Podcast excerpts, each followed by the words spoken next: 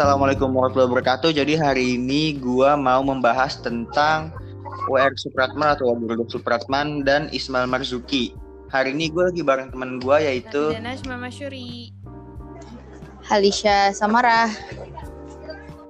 Nah, yang pertama gue mau ngebahas Wage Rudolf Supratman. Wage Rudolf Supratman itu lahir tanggal 9 bulan Maret tahun 1903 dan gugur tanggal 17 bulan Agustus 1938. Nama aslinya siapa sih? Supratman nama aslinya Apaan? siapa? Wage Rudolf nama aslinya Wage Supratman itu Wage Rudolf Kan dia Supratman. tanggal tanggal 19 Maret ya kan? Tanggal 9 Maret harusnya sih dia lahir tanggal 9 Maret. Cuman banyak yang percaya nih, banyak yang percaya kalau dia itu lahirnya tanggal 19 Maret.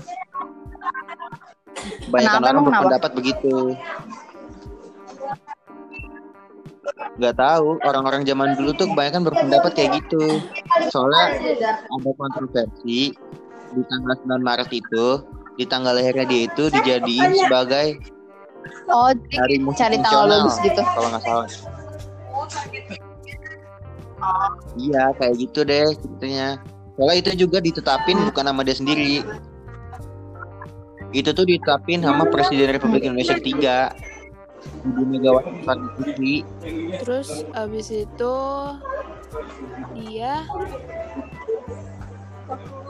dia tuh nggak tinggal sama bapak ibunya tapi dia tinggal sama kak- kakaknya kan namanya Rukiem Apa? Eh, WR Supratman itu nggak tinggal sama kak eh nggak tinggal sama bapak ibunya tapi dia tinggal sama kakaknya pas usianya 4 tahun iya Iya, dia di tinggal sama Makassar kakaknya. Mm-mm. Dia juga sempat jadi wartawan. oke tapi kenapa tiba-tiba dia jadi bermusik ya Nah, itu tuh awal-awalnya dia bermusik itu, awal dia bermusik itu sebenarnya semenjak, semenjak dia punya Oh, biola. yang Tidak. dikasih waktu ulang tahunnya itu Dia semenjak dia punya biola, dia mulai situ dari biola biolanya. Kira dia ngekomposisiin musik sampai sampai akhir sampai akhirnya lagu-lagunya itu terkenal sampai sekarang. Yang kita tahu kayak Indonesia Raya, lagu-lagu dia paling terkenal sampai lagu itu dijadiin sebagai lagu kebangsaan Indonesia Raya.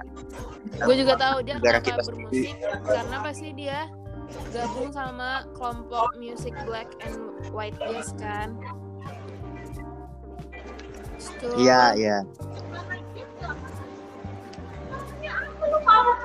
puncak puncak karirnya dia kan ini kan waktu dia pindah ke Makassar itu yang jadi wartawan berarti dia bermusik dulu Iya. baru jadi wartawan ya oh alah Iya, Balik lagi. Oh, tapi habis itu balik lagi ke musik. Oke, aku paham. Terus gue tahu juga nih, pasti atas jasa-jasanya dia, dia kan juga memperjuangkan Indonesia kan, kemerdekaan Indonesia. Iya. Iya, makanya dia juga disebut sebagai pahlawan Indonesia. Disebut salah- sebagai salah satu pahlawan Indonesia. Itu itu lagi dapat surat keputusan Presiden RI. Kalau buat Ismail Marzuki kayak gimana nih? Kan dia kan namanya dia kan aslinya Ismail, tapi Marzuki itu nama bapaknya kan. Hmm. Terus Hmm. udah sih, setahu gue itu doang, baru itu doang. Nih. Kan Ismail Marzuki lahir di Kuitang dan Batavia. Jadi tuh, saking Hmm. terkenalnya Ismail Marzuki, namanya sekarang diabadikan sebagai suatu Oh, pusat seni di Tahu, Jakarta. tahu Ismail Marzuki Lu kan? tahu nggak apa? Iya. Nah iya. Nah, Taman Ismail Marzuki itu adanya di kawasan Salemba, Jakarta balik Pusat. lagi ke cerita lamanya tapi kasihan juga tahu kan tiga bulan setelah dia lahir ibunya meninggal masih terus kehilangan dua orang Iya. lagi sedih sedih parah Mm-mm. iya Yusuf sama Yakub. bagus dah demi Allah namanya bagus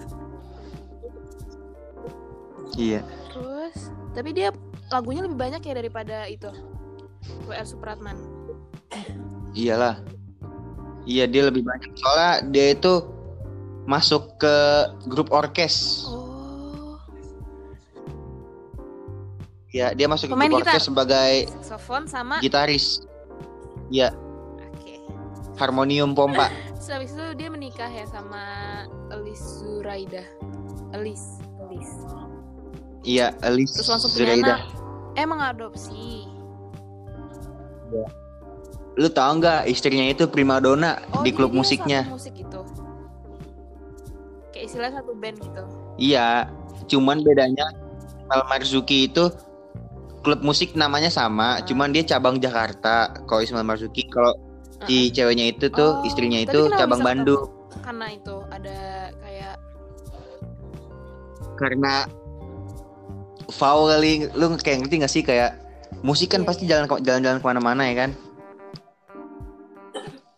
Mungkin gara-gara waktu itu dia ketemu terus bisa kenalan gitu kan? Dia pernah itu ya jadi Nah. orkes radio. Nah, dia itu jadi orkes radio di eh dia itu aktif dalam orkes radio pada pada Hozo Kanri Keiku Radio Militer Jepang. Eh ya. Mm-mm.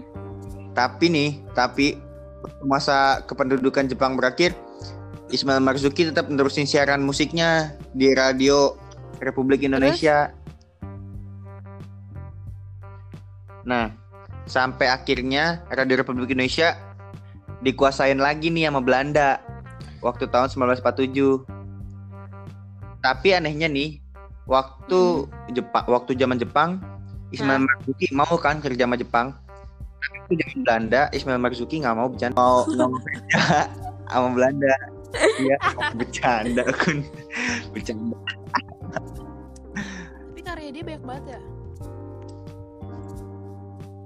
Parah. Buktinya kayak Oh Sarina. Terus Keroncong Sereneta. Tapi yang paling populer kan itu Rayuan Pulau Kelapa. Iya. Gua apal tuh lagunya sampai sekarang. Terus dia meninggal ya pas usia 44 tahun. Iya dia meninggal usia 44 tahun. Oh, terus dia dikuburinnya di kawasan Tanah Abang. Tanah Abang. Karena penyakit paru-paru. Iya di Tanah Abang. Tanah Abang. Kampung Bali. Oke. Di kuburannya aja itu ada plang yang tulisannya Makam Pahlawan ya. Nasional.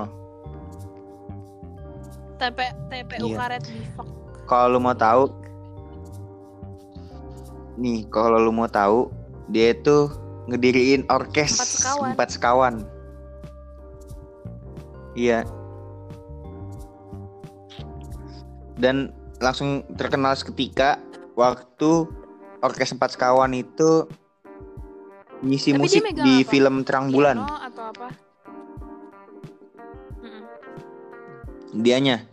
Dia udah pasti Oh iya dia, dia kan utamain gitar ya. sih. Ya, dia awalnya kan soalnya gitaris. Tapi kalau buat lagu-lagu yang lain dia itu lebih prefer ke pianonya. Oh, itu semua dia yang mainin pianonya. Hampir semua dia yang mainin pianonya. Ngerti dah.